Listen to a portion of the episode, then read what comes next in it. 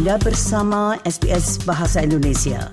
Dapatkan lebih banyak lagi cerita bagus di sbs.com.au garis miring Indonesia. Sebuah uji klinis baru yang mengungkapkan versi kentamin yang murah dapat membantu mengobati depresi berat. Ditemukan lebih dari satu dari lima orang mencapai remisi total dari gejala mereka setelah satu bulan mendapatkan suntikan kentamin. Berikut ini laporan tentang hal itu yang disusun oleh Ciara Hin untuk SBS News. Alan Kelly, seorang pensiunan berusia 74 tahun dari Chisholm di New South Wales yang mengatakan bahwa ia menderita depresi sepanjang hidupnya. Ia mengatakan ia telah mencoba setiap jenis pengobatan dalam upaya untuk memperbaiki kondisinya, namun tidak pernah berhasil. Sampai ia mencoba ketamin.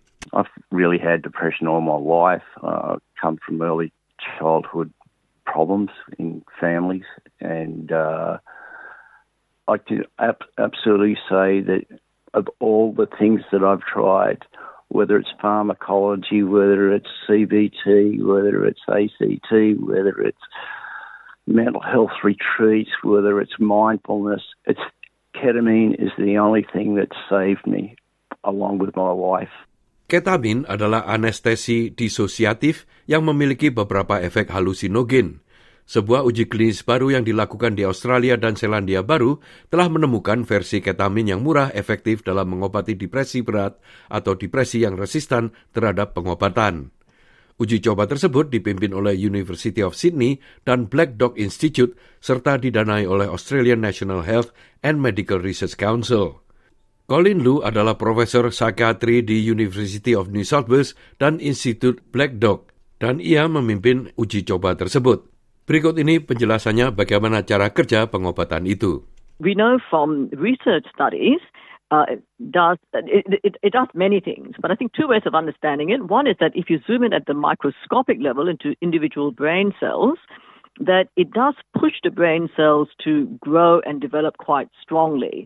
So, and that's that's quite nice because one of the things we find when people are have been depressed for months uh, and, and and chronically stressed is that their brain cells tend to shrink. So the fact that this has an opposite effect is actually quite nice. Dalam uji coba itu, 179 orang diberi dua suntikan ketamin setiap minggu selama sebulan di sebuah klinik di mana mereka dipantau selama dua jam sementara efek obat penenang itu mereda. Profesor Lu mengatakan itu sangat efektif.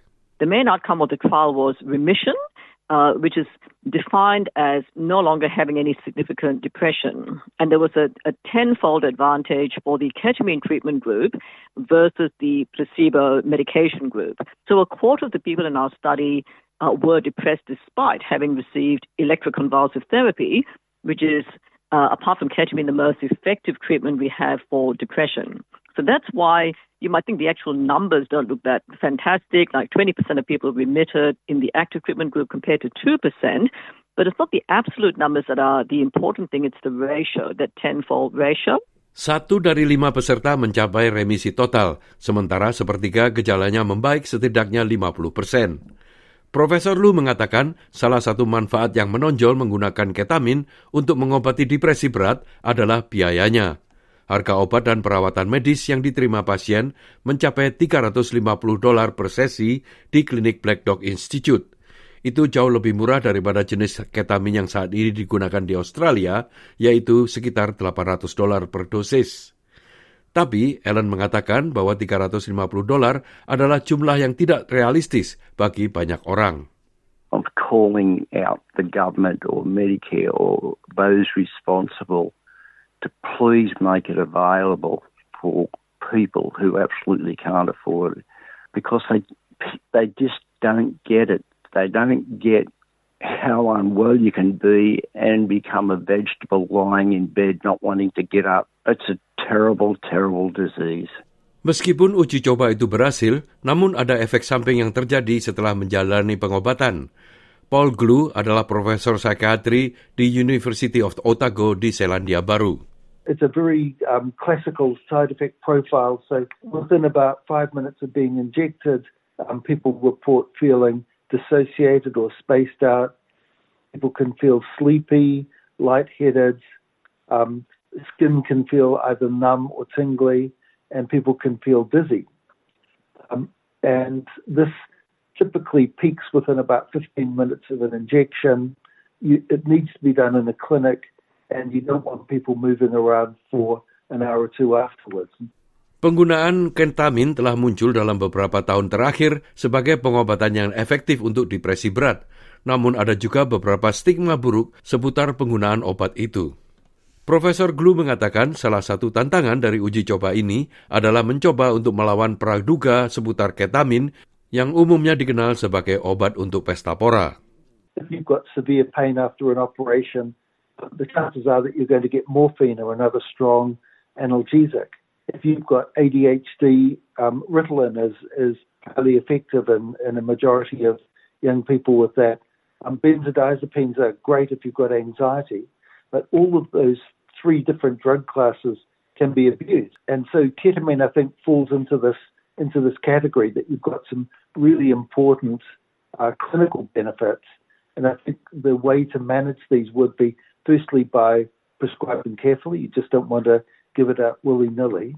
Para peneliti mengatakan mereka selanjutnya akan melihat uji coba ketamin generik yang lebih besar dalam periode yang lebih lama dan menyempurnakan pemantauan keamanan pengobatan itu. Jika Anda atau seseorang yang Anda kenal membutuhkan dukungan, hubungi Pion Blue di nomor 1300 224 636 atau hubungi Lifeline pada nomor 131114. Juga untuk layanan rujukan pria yang dioperasikan oleh No to Violence dapat dihubungi pada nomor 1300 766 491. Pendengar itulah tadi sebuah rangkuman yang disusun oleh Ciara Hin untuk SBS News dan disampaikan oleh Ricky Kusumo. Anda ingin mendengar cerita-cerita seperti ini? Dengarkan di Apple Podcast, Google Podcast, Spotify, atau di mana pun Anda mendapatkan podcast Anda.